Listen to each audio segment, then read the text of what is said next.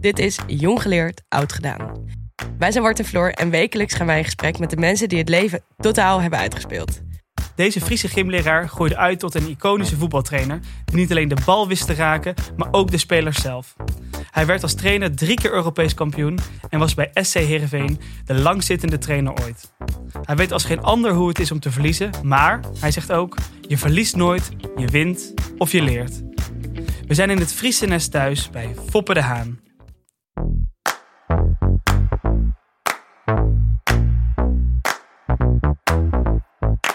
Goedemorgen. Goedemorgen. Welkom.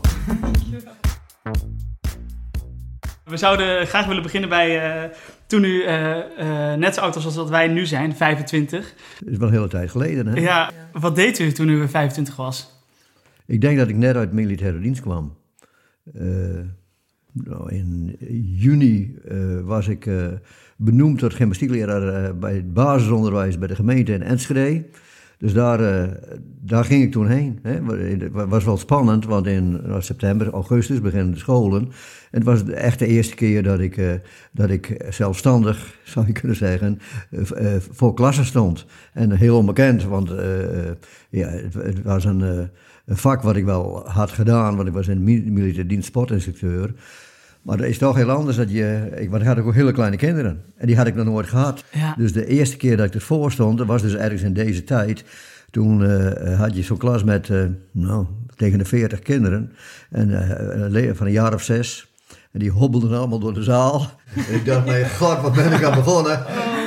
En de juffrouw was een hele aardige juffrouw. Die zat op, de, op, de, op zo'n kast, in, eh, zo'n Zweedse kast in, het, eh, in, de, in, de, op, in de ruimte waar, waar het spul stond opgesteld. En ik was met die kinderen aan het, aan het spelen, zal ik maar zeggen.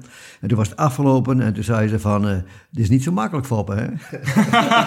Had je dat gedacht in eerste instantie? Nee, nee, nee. Ik, ik, ik, ik wist wel dat ik het kon, want ik vond het ook een mooi vak. Maar dit, dit, dit, d- d- er was zo'n verschil. 1968 eh, was ook een interessant sportjaar. Weet u nog wat er gebeurde in dat jaar? Poeh, nee, dat weet ik niet. Jan Jansen werd als eerste Nederlander ooit... eh, eh, ja, dat weet ik, die won de Tour de France. ja. Ja, Bent, ja. dus- bent u een wielrenliefhebber? Ja, dat was geweldig. Toen waren we bij mijn schoonvader en moeder, dat was in de vakantie. We waren bij mijn schoonvader en moeder in Grauw, die woonden in Grauw. En we waren met het bootje het water op geweest. En we kwamen terug en toen hadden we hem op, niet op de televisie, maar op de radio. Zo fantastisch, zo fantastisch. Later ben ik, Jan Jansen kom ik wel eens tegen in al, al die eh, oude spotters die elkaar ontmoeten. En dan heb ik ook gezegd, joh kerel, wat wij hebben, wij, wij hebben zo van je genoten, het was onvoorstelbaar. Ja. Was het onverwacht, de Ja, winst? ja, ja, het was op het allerlaatste moment. Het was een, ik dacht dat het een tijdrit was, maar ik- ja, het was de laatste tijdrit. En hij won het met een paar seconden. Ja, dat was echt, echt ongelooflijk. Ongelooflijk, ja. Ja, ja, ja. De sport, werd dat met, de- met de paplepel ingegoten bij u eh, vroeger thuis? Nee, nee. Ik kom uit een heel klein dorp, eh, Lippenhuizen. Daar wonen dus iets van duizend mensen. En die hadden niet eens een voetbalclub. Dus, maar als je erop terugkijkt, er was een groepje jongens eh, die toen op op, op de basisschool zat, die gewoon goed konden voetballen. Toeval. En die werden met hun team kampioen van, eh, van, de, van, niet van de provincie, van de, van de gemeente. Dat was uniek. Want hadden gewoon zelf een team opgericht. Al, ja, al die, al die andere dorpen die hadden een voetbalclub. En wij niet. Maar we, maar we waren wel de beste. Ik, ik las dat u daar een vrij groot aandeel in, En ik, in hebt en gehad. ik was de aanvoerder, ik maakte de opstelling en ik regelde oefenwedstrijden. Ja. ja en, eh, en, eh, dus dat was... En, Dus toen was u eigenlijk al de trainer. Ja. Stiekem ook. Ja, ja. En toen vonden ze dus dat, wij vonden dat er een voetbalclub moest komen, en, maar dat vonden de vaders en moeders ook. Ja. Dus toen werd aan de, aan de eh, gymnastiekclub werd de voetbalafdeling gekoppeld. Nou, die voetbalafdeling is nu natuurlijk veel groter dan de gymnastiekclub. En die heette Tor. Dat is een fantastische naam. Tot heil onze ribbenkast. En wat houdt zoiets in tot hel onze ribbenkast? Wat, wat, wat, wat betekent het? ja, tot heil onze ribbenkast. Meer betekent het niet. Ja. En, en ik las dat, dat het eh, thuis best een moeilijke periode was. Was sport dan een enorme uitlaatklep? Of? De, de voetbalclub was een enorme uitlaatklep. Als je op zaterdag of op zondag moest voetbal twee of drie keer in de week trainen. En, eh, eh, maar we waren jongens ook altijd aan het, aan het voetballen. Dus, dus sport was voor mij wel ongelooflijk belangrijk. Uw moeder was dan depressief, maar dat mentale gezondheid als je in een, in een klein dorp woont... niet echt iets makkelijks is om, om over te praten. Nee, maar kijk, depressief, dat, we hebben er al- nou allemaal deftige woorden voor. Maar vroeger was je gek, hè? Ja. Dus, dus, en dan werd je nou aangekeken, maar dan had je zelf, dat, eh, het ligt aan jezelf hoor. Want dan denk je van, oh, ze hebben het over mij, of ze hebben het over haar, of ze hebben het over, nou, hè, want dan denk je, als je, als je dan dat, nou, maar soms werden, er ook wel eh, toespelingen op gemaakt. Dus je, je, het is niet zo dat je, dat je er zonder leeft. Je leeft er altijd mee. En hoe, hoe slecht was uw moeder dan? Ja, ja. Dat, de ene dag, eh, nee, het was, was geen periode. Hè? Dus hij heeft perioden in, eh, in een inrichting gezeten, dan weer thuis, dan weer in een inrichting. Nou, Maar uit, uit haarzelf wilde ze dat niet. Hè? Nou ja, en ik ben er wel eens heen geweest, ah, wel eens. Op de, op de, eh, naar, eh, was toen Franeker, op de fiets erheen en op de fiets terug. Nou, dan gaan terug en dan kon ik het stuur wel buigen. Hè? Eh, Zo triest vond ik het, en zo verdrietig was het. En, eh, dan zat ze opgesloten in, zo'n, in, in een isoleerkamer. Poeh. En daar kon u haar dan bezoeken? Ja, ja. en hij, heeft van die, hij had van die hele mooie bruine ogen. en, die, eh, en die waren zo verdrietig, dat kan je niet voorstellen. Maar goed, het, het was zoals het was. Hè? En, eh, dus, en wat, wat jouw probleem is, of mijn probleem was, zal ik maar zeggen, dat, ik, dat, dat moest ergens een plek vinden. Hè? Het was er. Het was er altijd. Dus, en, en dan kunnen er, naar mijn idee, twee dingen gebeuren. Of je, of je, je, ehm, eh, je gaat eronder lijden, zal ik maar zeggen, met een lange ei. En je hebt er heel veel last van. En dus je kan eh, je huiswerk niet maken, of je dit wil niet, of dat wil niet, of zo. En ik had iets in me van, ik laat me niet kisten. Het is zoals het is. En het zal ook niet veranderen, dacht ik. hè. Daar Ja. daar was ik heel reëel in. En eh, eh, dus we moeten, de, nou ja, in Fries zeggen ze de kop ervoor houden. Maar zo was het wel precies. Hè? Dus gewoon je dingen blijven doen. Want eh, je, je, eh, je kunt het niet vergeten, maar je moet het wel overleven, zal ik maar zeggen. Dus je, eh, ja, Wat merkt u daar nu nog van dan? Is, het, is mentale gezondheid iets waar u eh, nog veel mee bezig Kijk, mijn bent? hele, hele, ik denk mijn hele coachgedrag heeft er alles mee te maken. Dus de, de, het, het, ik vind dat het, dat het goed met mensen moet gaan. Ik vind dat, eh, dat je daar duidelijk en eerlijk in moet zijn. Ik vind dat je eh, aan jezelf moet werken om je te ontwikkelen. Hè? Dus je bent, je hebt je, ieder mens heeft kwaliteiten. En ik vind dat je, dat vind ik dus echt, eh, de plicht hebt om aan je eigen kwaliteiten te werken, om er zoveel mogelijk mee te doen. En de ene kan dit en de andere kan dat, en de ene kan heel veel, dat is fantastisch, de andere kan wat minder, maar heeft toch kwaliteiten waardoor je, nou, noem het maar, een, een, je kan ontwikkelen en dus een, een ander soort, ander mens wordt. Maar dat heb ik mezelf opgelegd, hè. Dus dat is ook bijna altijd mijn, mijn, mijn, eh, mijn leidraad geweest. Ik ben wel benieuwd als jonge spelers nieuw in de selectie binnen te treden. Wat dan het eerste zou zijn wat u zou vragen? Eigenlijk vraag ik ze altijd van, wat is jouw droom? Leg maar eens uit wat jouw droom is. Dus, dus eerst komt de droom, hè. En dan, oké, waarom wil je dat? Dan leg dat nou eens uit waarom je dat wil. En, tweede, en, en, en, en wat is het plan dan? Heb je een plan? Oké, en eh, wat is je plan? Leg eens uit. En hoe kan ik je daarbij helpen? Het is nooit zo dat de coach bepaalt, maar jij bepaalt en die coach helpt. En uiteindelijk vroeg ik aan ze van, oké, wie ben je nou echt? En wat wil je nou echt? En hoe doe je dat? Nou, en dan, en dan Van Nistelrooy is daar, Ruud van Nistelrooy is daar bij mij het meest fantastische voorbeeld. Die zei op een gegeven moment van, oké trainer, maar weer eens gedoe waar hij wel of geen spits was. En uiteindelijk, en ik vond, wij vonden, dat hij spits was. Maar hij vond zelf dat hij middenvelder was. En toen zeiden we tegen hem van, maar als je naar je kijkt, Ruud, naar je kwaliteiten, naar je wijze waarop je, je op het trainen en partijtjes eh, eh, gedraagt en, en eh, op het veld, dan ben jij een spits. En hij ging ervoor, dat wil hij niet weten. Ja. Maar hij geloofde erin, dat is ook zo. Hè? Dus, hij, dus elke dag doelen stellen. Elke dag, de- dus kort bij, nu, wat moet ik nu doen om morgen beter te worden? Ja. Dat moet, moet een beetje in je gedrag zitten. En als ik zeg, mijn droom is om de beste presentator van Nederland te worden. Ja, nou ja, dat is een mooie droom. ja, maar hoe? hoe? Ik kan nu zeggen van ik wil de beste interviewer van Nederland worden, maar je kan ook denken, zo, nou die heeft het wel eh, een hoge dunk van zichzelf op. Eerst maar eens Nee. even gaan oefenen. Nee. Is dat doel hebben belangrijk? Ja? Ja, die droom is heel belangrijk. En dan die, dat, dat terugbrengen in, in, in fases, zou je kunnen zeggen. En je mag het best zeggen. Waarom niet? Je mag, je mag best wel ambitie hebben, daar markeert niks aan. Eh, eh, En, en kijk, ik heb het nooit uitgesproken, maar ik wilde altijd... Ja, wat wilde ik? ik wilde eerst wilde ik gymnastiekleraar worden. Toen had ik die, oké, oké. Toen wist ik niet genoeg, vond ik. Dus ik ging op latere leeftijd naar de sportacademie, naar de HALO. En, eh, en, en toen pas ging, gingen alle luikjes open. Ik verrek, dit kan ik ook. Het is wel interessant. Hier de, de, eh, de luisteraarsvraag van Tijmen. Hij is eh, fysiotherapeut bij eh, Vitesse. En zijn vraag sluit er eigenlijk perfect op aan. Dus die zou ik, je, eh, zou ik u graag willen voorleggen. Hoi Foppe. Bij veel bedrijven, en zeker in betaald voetbal, waar je zelf lang hebt gewerkt, leef en werk je in een cultuur waar het vaak gaat over wat je eerder hebt bereikt of waar je vandaan komt. Jij hebt met jouw carrière een ander pad bewandeld dan de meeste hoofdtrainers in betaald voetbal. Je bent zelf namelijk vanuit het SIOS het betaald voetbal ingewandeld zonder zelf een carrière te hebben gehad als betaald voetbalspeler op het hoogste niveau. Hoe heb je dit zelf ervaren in de start van je loopbaan en heb je een advies voor starters in zo'n degelijke cultuur om hiermee om te gaan? Ja, Nou, kijk, als je, als je op het moment dat je, dat je met mijn achtergrond hè, de, de trainer wordt van een betaalde club, dan begin je met een kleine achterstand. Ja, Hè? Want ze- iedereen vraagt altijd van, kijk, Koeman heeft het makkelijker eh, en Frank de Boer heeft het makkelijker dan jij het hebt eigenlijk. Dus ontdekken pas wat jij kunt na een poosje als je aan het werk bent. Dus je moet eh, in, in, in, het begin zeker meer bewijzen.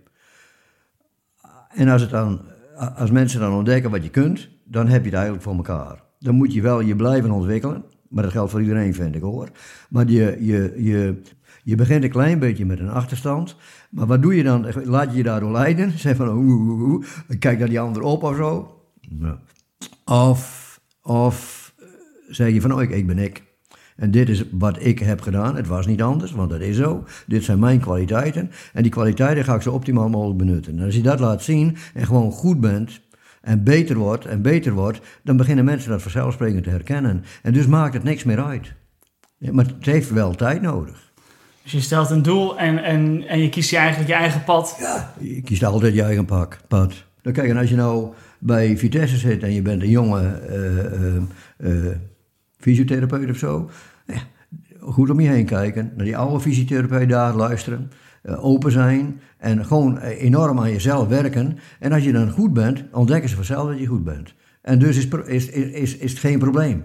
Misschien is het wel waardevol. Want eh, als je jezelf goed kent, dan weet je welke weg je hebt gewandeld.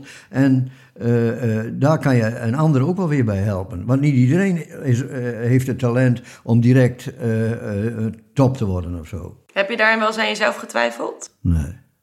Nee, dat heb ik nooit gedaan. Ik, ik had wel, soms dan denk je wel, poeh, waar ben ik aan begonnen? Twijfel jij wel eens aan jezelf? Daarin? Ben je, wel, ben je zo standvastig? Nee, zo standvastig ben ik... Nee, zeker niet. Nee, misschien is het ook omdat... Ja. Ik zeg dan wel dat ik heel zeker was, maar dat weet ik. Dat... Maar jawel, wel... maar ik- ah, nee, maar kijk, ik deed dingen. dat- dat- maar daar- dat is misschien wel het allerbelangrijkste, vind ik. Voor jullie ook. Je moet dingen doen waar je, waar je, waar je heel veel lol aan beleeft, waar je plezier aan beleeft. Het, het, en en wat, je, laten we zeggen, wat je waardevol vindt. Ja. Dat is van belang. En, en, en er zijn ook mensen die gaan altijd voor het geld of voor dit. Heb ik nooit gedaan. Omdat ik andere dingen veel belangrijker vind. Dus ja, en dan kijk ik om me heen en denk van... joh, die, eh, die andere trainer heeft veel meer verdiend. Ja, had ik moeten verkassen. Want je, je, je gaat meer verdienen als je van club naar club naar club gaat. En want dan kun je dingen afdwingen. En als je ergens lang bent, oh ja, dan gaat het gewoon door. Hè? Maar dat vond ik niet erg, want ik, vond, ik zat op, op mijn plek. Hè? Dat, dat, dus, dus ik heb altijd dingen gedaan waarvan ik, waarvan ik eh, vond dat ze goed bij me pasten. En, en, en dat kan, kon ik van tevoren ook niet altijd zo goed beredeneren. Maar als ik er dan zat, denk ik van ja, dit, dit ben ik, dit past bij me. Dat is eigenlijk uw les van blijf dicht bij jezelf wat dat betreft. Ja, dat, eh, ja. Ik heb al, me altijd verzet tegen dicht bij jezelf. Dan eh, haal ik... Cliché. Maar ja, ja je, moet, gewoon, je moet gewoon jezelf blijven. Maar dat kan alleen maar als je jezelf goed kent. Maar op een gegeven moment ontdek je van dat ik alleen maar beter word dankzij de ander. Wat Mandela zei. Die zei van, jij kunt je alleen maar ontwikkelen dankzij de ander. En de ander dankzij jou. Dus we zijn eh, aan elkaar had er een mooi verbonden. begrip voor. eh, Ubuntu. Ubuntu. Ja. Maar wat ik wel interessant vind, want dat zegt u inderdaad, van eigenlijk mijn hele leven lang heel loyaal geweest aan, aan, aan nou ja, eh, Friesland, maar Heerenveen specifiek. En dan in 2011 besluit u om naar Tuvalu af te reizen. Dat is voor de, voor de luisteraar, dat is een minuscuul eiland in de grote oceaan, Ja. nou, 200 kilometer naast Australië. ja. Dan moet u me toch uitleggen. Op een gegeven moment ontstaat er iets in je, in je, in je leven. Via uh, coach betaald voetbal kwam er een vraag of ik voor zes weken bondscoach wilde worden van Tuvalu. Ik wist bij god niet waar Wist je niet waar het lag? Ik wist niet waar het lag. Dus we moesten gaan... Uh, Google Maps? Google Maps, ja. En toen vonden we het. En, uh, en wat dacht u toen u het zag? Ja, ik zei tegen Geke, we doen het. De, de, kans krijgen we nooit weer. En wij, en wij, wij vonden reizen altijd wel heel mooi. Hè? Dus, we, door je, dus ik ben heel veel onderweg geweest door het voetballen. Maar uh, veel minder. Terwijl we het beide wel heel leuk vinden. Dus nou hebben we de kans. Om daar te komen, dan kom je nooit weer. Nou, oké. dus ik, we hebben het geaccepteerd. En we zijn erheen geweest. Ja, denk, wat, van, wat van gekke dingen heb je in je leven gedaan? Hè? Je bent heel lang heel stabiel ergens geweest, maar op een gegeven moment dan, eh, dan, dan, wil je ook wel de wereld in, zal ik maar zeggen. Nou, ik vond het fantastisch. Ik vond het echt fantastisch. De jongens die niet konden voetballen, die konden er gewoon niks van. En die, die, maar die waren wel, die waren wel hartstikke uh, uh, bereid om gewoon heel hard te werken. S'morgens om zes uur trainen. Kijk, we moesten op een gegeven moment vliegtuig naar Nieuw-Caledonië. Want daar was het, het, het, het, toernooi van de Polynesische landen. Was soort want u werkte toen aan het toernooi. Daarvoor was u aangesteld. Ja, ja, ja. ja. En, uh, en uh, toen moesten we lang op een vliegveld vlieg, uh, wachten op het vliegtuig. Dus het zou komen om, om 12 uur, het kwam niet. Het zou komen om 2 uur, kwam niet. Dus uiteindelijk kwam het morgens om 6 uur. En dan zit je daar. En die jongens, die leggen hun jasje op de grond en gaan liggen. Huppakee. Want die zijn zo gewend aan, aan, aan gewoon dingen maar accepteren en er normaal mee om te gaan. En wat maakt nou uit? Ik zei tegen Geke, wij gaan ook onder, we, gingen, we gingen onder zo'n zo'n stalen bankje. Daar lagen we, altijd op de daar lagen we onder. En we gingen gewoon liggen en we deden mee. ja, nou, dat moest je, het was fantastisch. Maar het was ook wel mooi. Het speelden we tegen dat Nieuw-Caledonië. Het was met de pauze 6-0. Dan heb ik ze, ben ik echt uit mijn, uit mijn, uh, buiten mezelf getreden. heb ik ze op hoe, hun, hoe ziet dat eruit? Een foppeer de haan die buiten zichzelf treedt. Ik heb ik ze op hun donder gegeven van hier tot gunder. En dan zijn jullie hier zo aan het voetballen. Dat kan toch niet? Je, zult, je zult het niet winnen. Maar zomaar alles weggeven. Schuien, lafaard. En waren ze onder de indruk? Ja, ze waren wel onder de indruk. Dus de volgende wedstrijd, dus die wedstrijd dus was, was vijf, een derde dag maar 6-0. Dus dat viel nog wel mee. En de volgende wedstrijd had het wel in de gaten. Dus toen uh, uh, lieten ze het niet meer gebeuren, zal ik maar zeggen. dat was wel heel leuk. Ik kreeg ze echt aan de praat. Ze gingen beter voetballen, veel beter dan ze ooit hadden gedaan, op een andere manier. Dus, en dat hadden, en, dus, dus als ze me vroegen op de televisie, ik zei ook, in het begin verloren we wat. Ik zei, ja, maar we zijn aan het werk. Het wordt gegarandeerd beter, want ik zie dat het anders wordt. Maar we kunnen het nog niet laten zien. Maar straks dan zul je van ons schrikken, in positieve zin. Ja, ja, en, dat, en dat deden ze ook, dus daar hadden ze heel veel respect voor.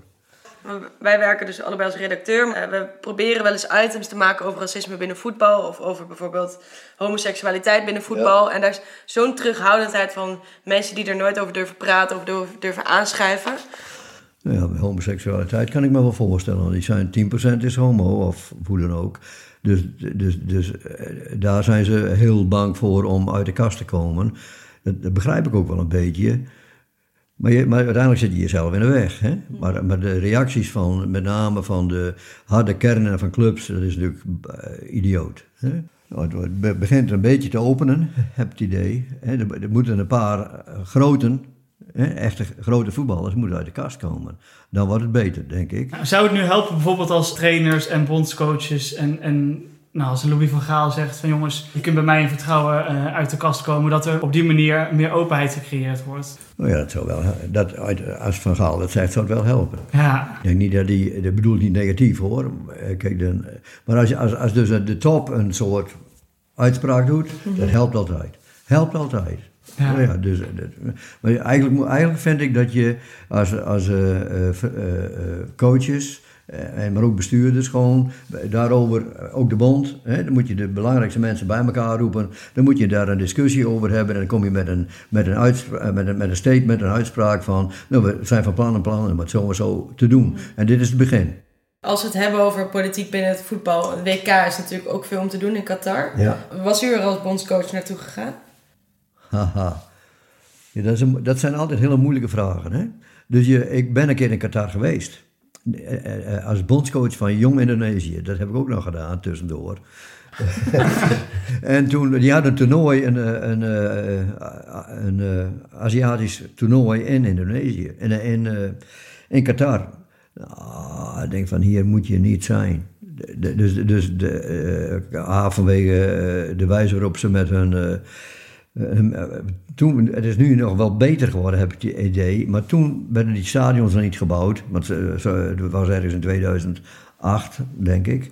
Maar toen werden er wel enorme flats en gebouwen gebouwd. En dan zag je ze daarboven staan.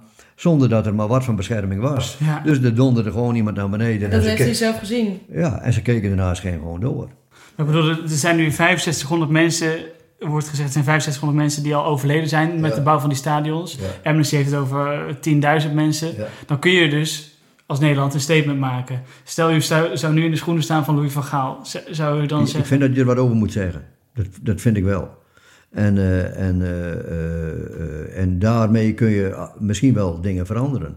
En, maar uiteindelijk moet dat komen van van, van, vanuit de, laten we zeggen, van de, van de, van de FIFA. Het is idioot dat het daar gespeeld wordt. Dat vind ik wel. Gezien de omstandigheden en gezien het weer en gezien de aanpassing van de competitie omdat het in de winter is. Ja, dat is, allemaal met elkaar is het alleen maar één ding. Het levert geld op. Meer geld. Nou ja, dat, dat, dat, ik vind dat in, in, in, in, Kijk, geld is niet nooit onbelangrijk, hè, want iedereen wil graag verdienen en zo. Maar het kan ook eh, te, te veel de nadruk krijgen. Precies, eigenlijk wat u eh, constant zegt is inderdaad van geld heeft bij mij nooit de grootste rol gespeeld. Het nee. bij mij om het plezier. Ja. Maar hier staat het plezier uh, behoorlijk in de weg van het, ja, dus van het geld. Als je al die voetballers vraagt, dan kan ik je garanderen te zeggen van ja, wat moeten we daar? En gezien de omstandigheden en gezien het onderbreken van hun, de normale competitie in die tijd, het, is een vakantietijd. Hè? Uh, ja, uh, ja het, is, het is niks. Het is gewoon niks. Dus eigenlijk toen, het, toen, het, toen, toen ze besloten om te gaan, had, toen had de wereld op moeten staan. Nou ja, maar, maar ja, zo werkt het bijna altijd. Mm -hmm. Ja.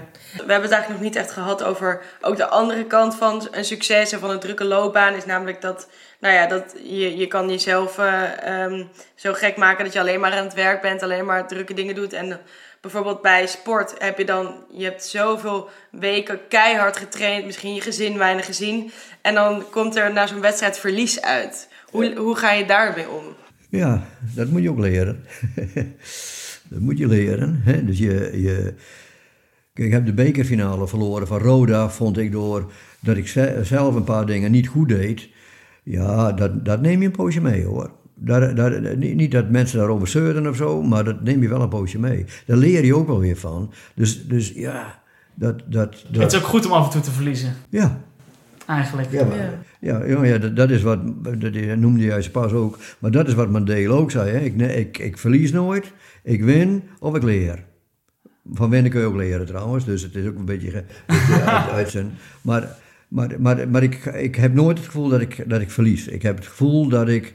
Nou ja, ik heb, twee, heb drie punten verspeeld, maar eh, als ik er goed naar kijk, dan kan ik er zoveel van leren dat ik de volgende keer misschien meer win. Hè? Ja, ja, ja. En tot slot, um, onze podcast die heet Jong Geleerd Oud Gedaan. Dus we vragen altijd, wat zou u aan ons willen meegeven? Van onze generatie eigenlijk. Ja, eh, ik, ik vind het belangrijkste dat je, dat je iemand bent. Dus niet niemand zijn, maar iemand zijn. Dat betekent dat je voor je mening durft op te komen, dat je dat je, je verantwoordelijk voelt voor jezelf, maar ook voor je, voor je omgeving, voor de maatschappij. En dat je in de gaten hebt dat je daar een grote rol in speelt, hoe dan ook. De ene wat groter dan de andere, maar iedereen speelt daar een rol in. Nou, en dus niet onverschillig zijn naar de dingen die gebeuren, maar juist eh, wel proberen het verschil te maken op een goede manier. Ik had niet gedacht dat ik zo lang over voetbal kon praten. Nou, voetbal is gewoon een metafoor van het leven. Dit was hem voor deze week. Volgende week gaan we in gesprek met. Wat het leven mij geleerd heeft, is dat ik me kan redden als de wind tegenwaait. En dat kun je als je jong bent niet. Joost Prinsen. Tot volgende week.